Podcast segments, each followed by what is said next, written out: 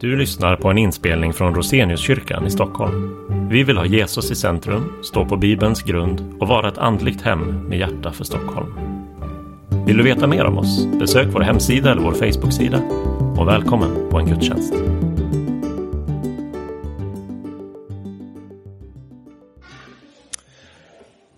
Albin har fått ta emot Jesu befriande kraft i sitt liv. Så får vi också kontinuerligt som tagit emot Jesus i våra liv leva med honom och bära fram till Jesus det vi behöver hans förlåtelse för, det vi behöver hans befrielse från, det vi behöver hans hjälp med. Och det gör vi här särskilt i syndabekännelsen i början av vår gudstjänst. Eh, så låt oss tillsammans nu be och bekänna och få ta emot Jesu förlåtelse och läkedom. Jag bekänner inför dig, helige och rättfärdige Gud, att jag har syndat med tankar, ord och gärningar. Jag har inte älskat dig över allting, inte min nästa som mig själv. Genom min synd är jag skyldig till mer ont än jag själv förstår och har del i världens bortvändhet från dig. Därför ber jag om hjälp att se och bryta med mina synder. Förlåt mig för Jesu Kristi skull. Herre, hör nu varje hjärtas tysta bekännelse.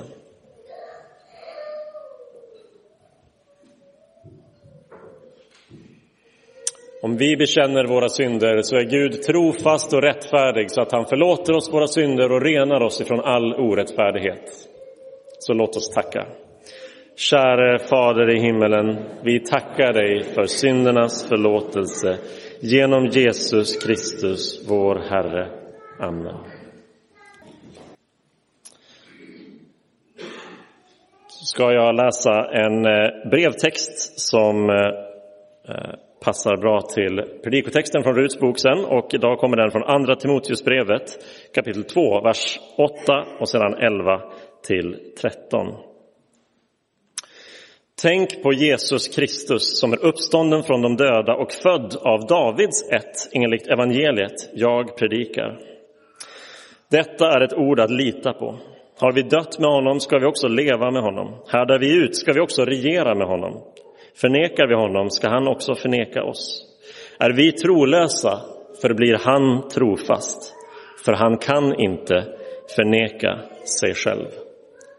Så lyder Herrens ord. Gud, vi tackar dig. Så sjunger vi. Dagens predikotext kommer ifrån Ruts bok, det första kapitlet. I Jesu namn. På den tiden när domarna regerade blev det svält i landet. Då gav sig en man iväg från Betlehem i Juda med sin hustru och sina båda söner för att bo en tid i Moabs land. Mannen hette Elimelek, hans hustru Nomi och hans båda söner Marklon och Kiljon. Familjen var efratiter från Betlehem i Juda. De kom till Moabs land och stannade där. Men Nomis man Elimelek dog och hon blev ensam kvar med sina båda söner. Sönerna tog sig moabitiska hustrur. Den ena hette Orpa och den andra Rut. När de hade bott där ungefär tio år dog också de båda sönerna, Maklon och Kiljon, och kvinnan blev ensam kvar utan söner och utan man. Då bröt Nomi upp med sina sonhustrur för att vända tillbaka från Moabs land, för hon hade hört i Moabs land att Herren hade tagit sig an sitt folk och gett dem bröd. Hon lämnade platsen där hon bott och hennes båda sonhustrur följde med henne. Men när de var på väg mot Judaland sa Nomi till sina båda sonhustrur Vänd om och gå hem igen, var och en till sin mors hus. Må Herren visa godhet mot er så som ni har gjort mot de döda och mot mig. Må Herren låta er finna trygghet var och en i sin mans hus. Och hon kysste dem. Men det brast i gråt och sa till henne, nej, vi vill följa med dig tillbaka till ditt folk. Men Naomi svarade dem, vänd tillbaka mina döttrar. Varför skulle ni gå med mig? Har jag några fler söner i mitt moderliv som kan bli män åt er? Vänd tillbaka mina döttrar och gå hem. Jag är för gammal att bli gift. Och även om jag skulle tänka att jag fortfarande har hopp, om jag så redan i natt gav mig åt en man och dessutom födde söner, skulle ni då vänta på dem tills de blev vuxna? Skulle ni stänga in er och vara utan man? Nej, mina döttrar, det är mycket bittrare för mig än för er, för Herrens hand har drabbat mig. Då brast de på nytt i gråt.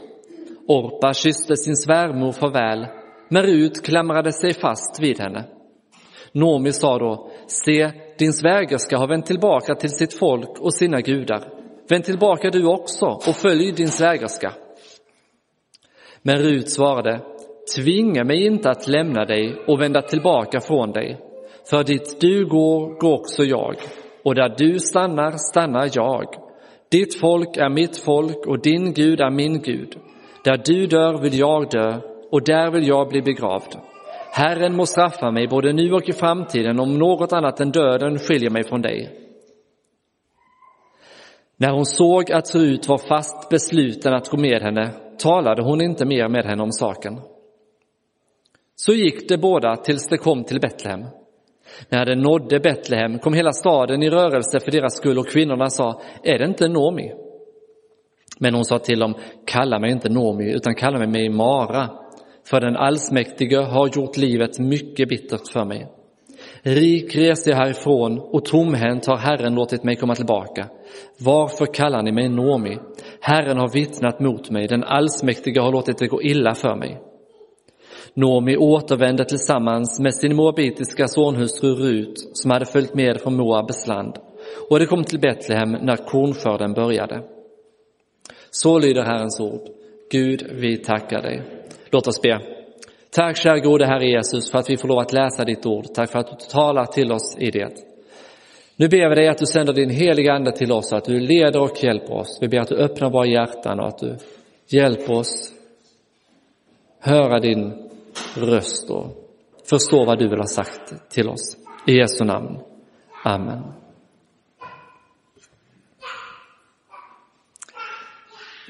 Ibland kommer motgångarna i livet slag i slag och det känns som om Gud har vänt sig mot den. Så kan det upplevas personligen i livet när man drabbas av sorger och svårigheter. Men det kan också upplevas så på ett större plan i det allt svårare omvärldsläget, högst konkret med kriget i Ukraina till exempel, eller jordbävningen i Turkiet, Syrien eller våldet och kriminaliteten i vårt eget land.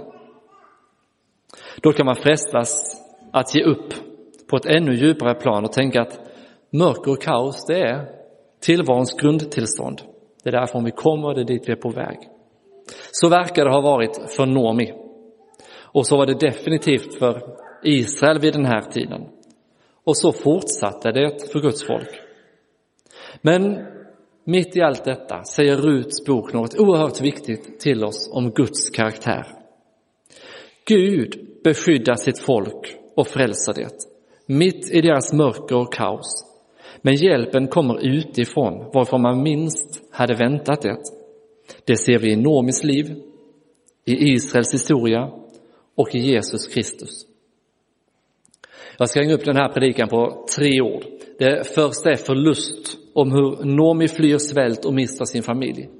Det andra om förändring, hur Nomi återvänder men får med sig Rut.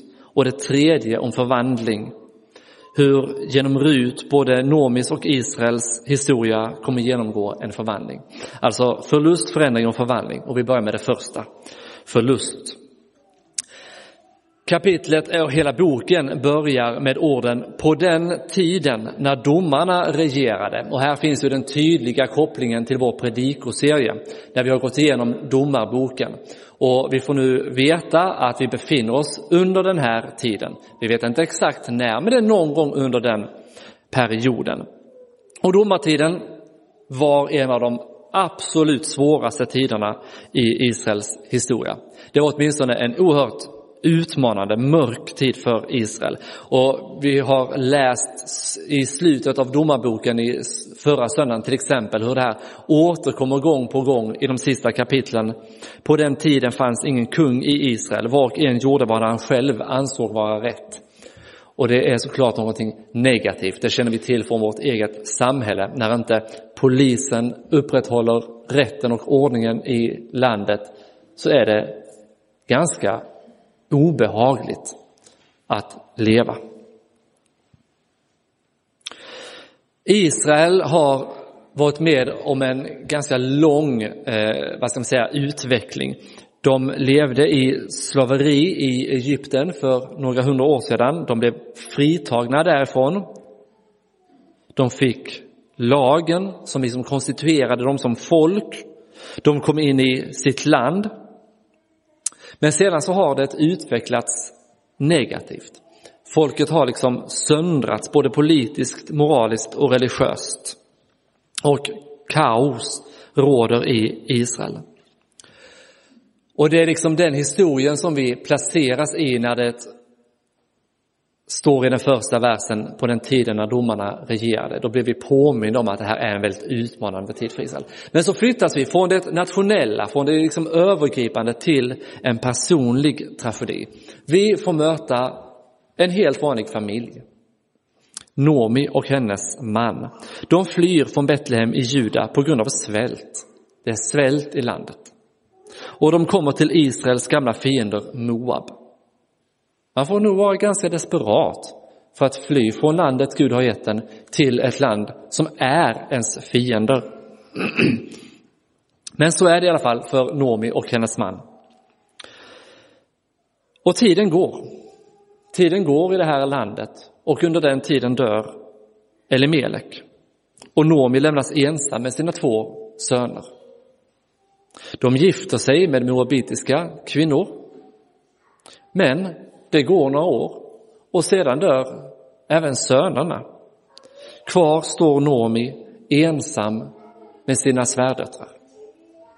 Det, det är inte svårt att känna sorgen, förkrosselsen i Nomis liv.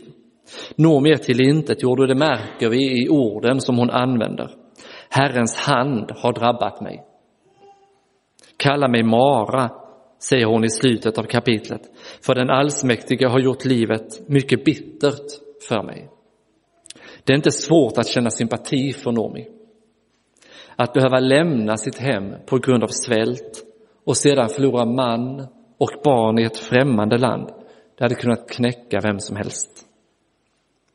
Och kanske är det också en viss tröst att Bibeln inkluderar bittra människor utan att fördöma dem. Samtidigt är Bibeln full av tragiska livsöden och Bibeln vill alltid framhålla trons förtröstan, alltså den enkla tilliten, som vårt föredöme. Vi kan till exempel tänka på Abraham. Paulus skriver om honom i Romarbrevet 4 att Abraham trodde på Herren och han räknade honom det till rättfärdighet. Nomi har verkligen haft det svårt i livet, men det är inte helt enkelt att se henne som ett föredöme. Vi läser om en annan person i Gamla testamentet som också drabbas av motgångar och svårigheter, Jobb. Kontrasten mot Jobs förtröstan är milsvid. När Jobb har förlorat allt, säger han, Herren gav och Herren tog, lovat vara Herrens namn. Till skillnad från Nomi som säger, den väldige har gjort livet bittert för mig. Nomis liv blir en ganska träffande bild för Israels situation.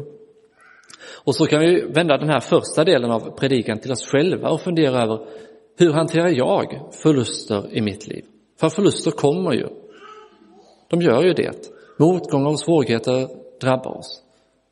Liknar jag Nomi som vänder det mot Gud och säger att det är Gud som trycker ner mig?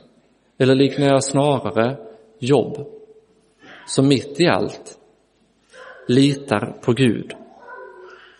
Det är den första delen om förlusten. Sedan förändring. Nomi har förlorat allt men i hennes hemland verkar svälten ha gått över och hon bestämmer sig för att återvända hem och hennes svärdöttrar följer med henne. Det är kanske lite märkligt att de följer med henne och inte vänder tillbaka till sina hem, Men kanske är det så att de nu är den nya familjens ansvar. Hur som helst visar de lojalitet med Nomi och följer henne.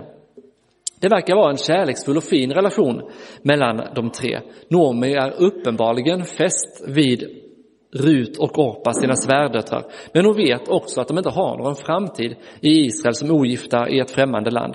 Och därför så uppmanar hon dem att vända tillbaka till sina hem för att gifta om sig där.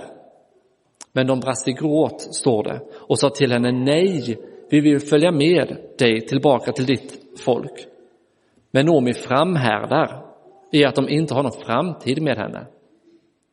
I alla fall i Israel var en mans bror förpliktigad att gifta sig med sin brors hustru om brodern skulle dö barnlös, så att hustrun kunde bli försörjd och kunde få barn som kunde föra familjen vidare. Och Noomi ger en gripande beskrivning av hur förtvivlad hon upplever sin och sina svärdröttars situation. Hon säger, jag är för gammal för att få barn och även om jag skulle tänka att jag fortfarande hade hopp, skulle ni vänta på att de växte upp och blev vuxna nog för att ni skulle gifta om er med dem? Det är en oerhört känslosam berättelse och det mänskliga kommer så nära i det här kapitlet. Då står det, då brast de på nytt i gråt, men Rut klamrade sig fast. I prövningarna visar sig en människas karaktär. Och den här skilsmässan visar vad som har gått i Rut under motgångens tid. Kärleken till hennes nya familj har vuxit och Rut visar sig vara en oerhört lojal och kärleksfull människa, precis som hennes namn indikerar. Det betyder vänskap. Och sedan så händer någonting centralt för berättelsen och det här är kanske är verser som ni känner igen. Nomi säger åt Rut att återvända till sitt folk och sina gudar, men Rut vägrar. Ditt folk är mitt folk och din Gud är min Gud. Här finns ju en eh, stark kontrast till i söndags så hörde vi om en annan man från Betlehem, Mika, som kom från prästsläkt. Och han blev en lejd präst. Eh, han liksom lät sig köpas för pengar och så blev han präst åt eh, avgudar. Och namnet Mika betyder vem är som Gud? Eller vem är som Israels Gud? Och där finns liksom en ironi i att en man som har det här namnet, namnet som kommer från Juda tjänar avgudar. Men här har vi Rut, någon som kommer från ett främmande folk med främmande gudar som säger din Gud är min Gud, ditt folk är mitt folk. Här blir en väldigt tydlig kontrast. Vi har inte fått veta någonting om Rut tidigare i berättelsen, men plötsligt så visar hon sig vara någonting alldeles särskilt. Det är givetvis anmärkningsvärt att Rut från ett annat folk med andra gudar så tydligt tar ställning för Israel. Men hon blir ett tecken på att Gud har vänner, inte bara i sitt eget folk, utan även bland de som inte känner honom, redan på den tiden och att Gud söker och vill ha gemenskap med alla människor. Trofasthet är ett karaktärsdrag som kännetecknar Rut. Resor i litteraturen står för förändring och det sker en avgörande förändring i Rut och Nomis liv under resan tillbaka till Betlehem. Men inte bara i deras liv, utan deras resa blir som en bild av den större förändring som börjar ske i hela Israel. Under hemresans gång får Rut bekänna färg och visa sin lojalitet till Nomi och Israels Gud. Och hennes kärlek och lojalitet till Nomis familj blir sedan oerhört viktig för hur resten av hennes liv i Israel utvecklar sig. Här möter hon Nomis släkting Boas som är familjens återlösare. Återlösare betyder att man var en släkting som var skyldig att friköpa en anhörig om släktingen skulle bli slav eller om fattigdom hade liksom drabbat familjen. Man hade alltså ett ansvar för att familjen skulle leva vidare, även om mannen i familjen skulle dö och lämna hustrun utan barn. Och när Boas får höra om Ruts kärlek och lojalitet blir han djupt gripen.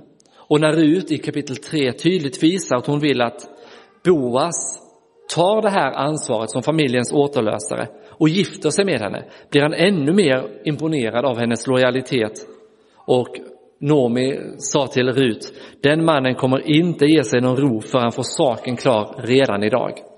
Boas blir fast besluten att ta sitt ansvar, för han har sett vem Rut är och hurdan hon är. Och det är intressant att lägga märke till hur olika Nomi och Rut svarar på motgångarna i livet. Nomi på, påtalar verkligen sina motgångar och hur Gud motarbetar henne. Men Rut har inte heller haft det lätt. Hennes man har dött och hon är lämnad barnlös. Men hon ger inte uttryck för någon bitterhet, vad vi kan märka, bara kärlek och lojalitet. Och då kan man ju fråga sig, hur blir vi människor som präglas av kärlek och lojalitet trots de prövningar som livet kastar i ansiktet på oss? För det är väl något av det vackraste som kan sägas om en människa. Han eller hon är lojal, kärleksfull, trofast. Vi får hålla oss nära Jesus. Till exempel genom att ta saltaren på den. Lova Herren min själ och glöm inte allt gott han gör. Han förlåter dig alla dina synder och botar alla dina sjukdomar. Men det starkaste vaccinet mot bitterhet och hopplöshet leder oss till den tredje och sista punkten i predikan. Det har alltså varit ehm, förlust, förändring, också nu förvandling. Nomi kommer hem i vers 19, men hon är alldeles nedbruten. Kalla mig inte Nomi, utan kalla mig Mara, för den allsmäktige har gjort livet mycket bittert för mig. Hon reste rik, men återvände utblottad. Men inte helt utblottad, för hon har Rut med sig. Nomis liv hade börjat förändras redan den dagen då hon mötte Rut. Hon visste det inte, men vi ser det i berättelsen, hur hennes liv var på väg mot en förändring redan när hon mötte Rut. Utan, helt utan Nomis inblandning och förtjänst så såddes ett frö till förvandling genom Ruts val och hennes karaktär. Och vi ser i bokens fortsättning hur de båda kvinnornas linjer korsas allt eftersom tiden går. Från att berättelsen börjar med Nomi och hennes, vad ska man säga, eh, livsnedgång livs nedgång så kommer Rut efterhand in i berättelsen och tar över som huvudpersonen och berättelsen går uppåt och utvecklas positivt genom henne. Genom sin initiativkraft och sin kärlek ser ut till att bli gift med Boas och de får en son Obed. Och bokens avslutning är alldeles underbar mot bakgrund av tragedin som boken inleddes med. Boken inleddes ju med förlusten och sorgen, hur Noomi blir av med sin man och sina söner. Men så slutar den med att människorna i Betlehem säger till Noomi, lovade Herren som idag inte har lämnat dig utan återlösare. Må hans namn bli prisat i Israel, han ska ge dig nytt liv och försörja dig på din ålderdom. Det är ju din sonhustru som har fött honom, hon som älskar dig och är mer för dig än sju söner. Och så står det så underbart. Och Noomi tog barnet och lade det i sin famn och blev den som skötte det. Det är väl underbart? Hon som lämnade och kom tillbaka tomhänt, nedslagen, bitter. När berättelsen om Rut slutar så ser vi Noomi stå där med ett nyfött barn i handen. Och hon som farmor får man väl säga, eller mormor, mormor kanske, eh, får stå där och hålla det här barnet och vara den som sköter det. Vilken underbar berättelse. Men Rut och Noomis individuella historia vävs samman med Israels historia och vi ser hur ett nytt viktigt skede i Guds frälsningsplan inträffar genom Rut. Kapitlets början sammanfattar kaoset i landet, domartiden när var och en gjorde vad de själv ansåg vara rätt och den nedåtgående spiralen. Men boken slutar. Grannkvinnorna gav honom ett namn och sa Nomi har fått en son och de kallade honom Obed och han blev far till Ishai, Davids far. För Gud hade i alla tider lovat räddning. Och till exempel genom en av de här eh, urfäderna i Israel, Jakob, hade Gud sagt att en kung skulle komma ur Judas stam. Och vad visste Nomi egentligen när hon lämnade Betlehem för många år sedan? Och vad visste Rut när de kom tillbaka? Men Gud fanns med i allt och styrde deras steg så att Rut kom in i Nomis familj. Rut mötte Boas och tillsammans blev de gammelföräldrar till David. Han blev Israels andre, men för alltid störste kung. Och cirka 1100 år senare skulle en annan kung födas i Betlehem, oansenlig och maktlös, men avgörande för Guds frälsningsplan, Herren Jesus. Så kan Gud verka under i det som till det yttre ser oansenligt ut. Och redan här ser vi att Gud arbetar för att kalla och inkludera folk som inte hör till hans, hans ursprungliga folk, men kalla in dem i sitt folk. Rut kom från Israels gamla fiender, men det hindrade inte Gud från att ge Rut, moabitiskan, en nyckelroll i sin frälsningsplan. Det är hon som framstår som det stora föredömet framför sin judiska svärmor. Och det är hon som blir stammor till David och därmed Jesus. Här finns alltså missionen närvarande. Subtilt, men ändå. Vad har då det här att säga till oss när vi drabbas av motgångar i våra liv och undrar var Gud finns? Berättelsen om Rut är en berättelse om kärlek och trofasthet. Vi får glädjas över det exemplet och be Gud om hjälp att själva vara sådana människor. Det behövs verkligen i vårt land och i vår tid. Det behövs Guds folk som visar kärlek och trofasthet i sina grannskap, på sina arbetsplatser, bland sina barn och barnens vänner, bland mor och farföräldrar, i sina kommuner och överallt där vi lever och verkar.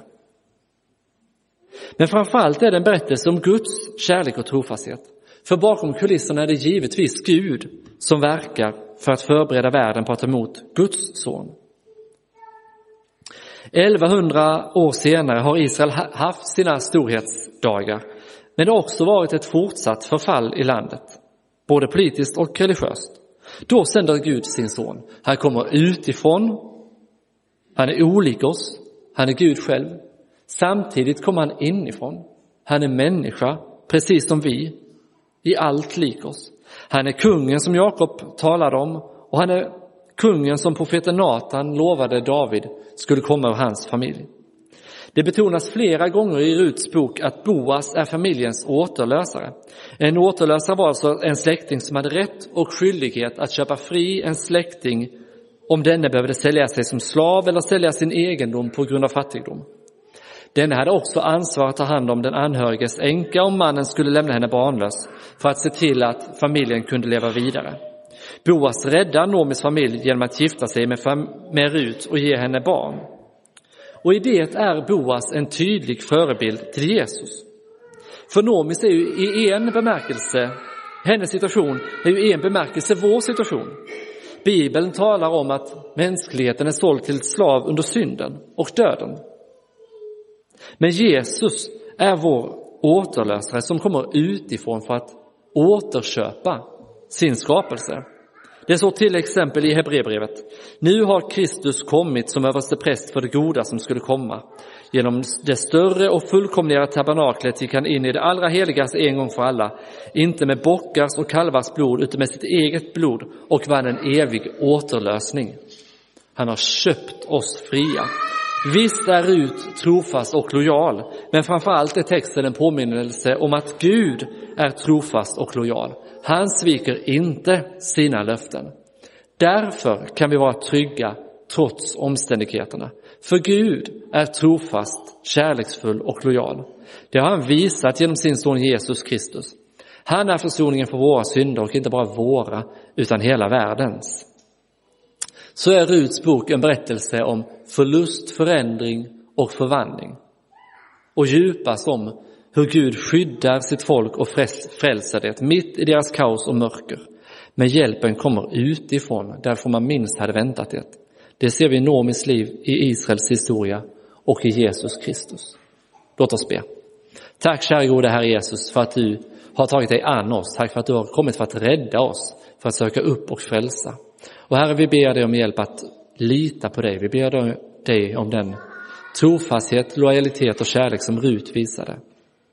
Och vi ber dem att själva få präglas av den och framförallt att lita på dig i allt.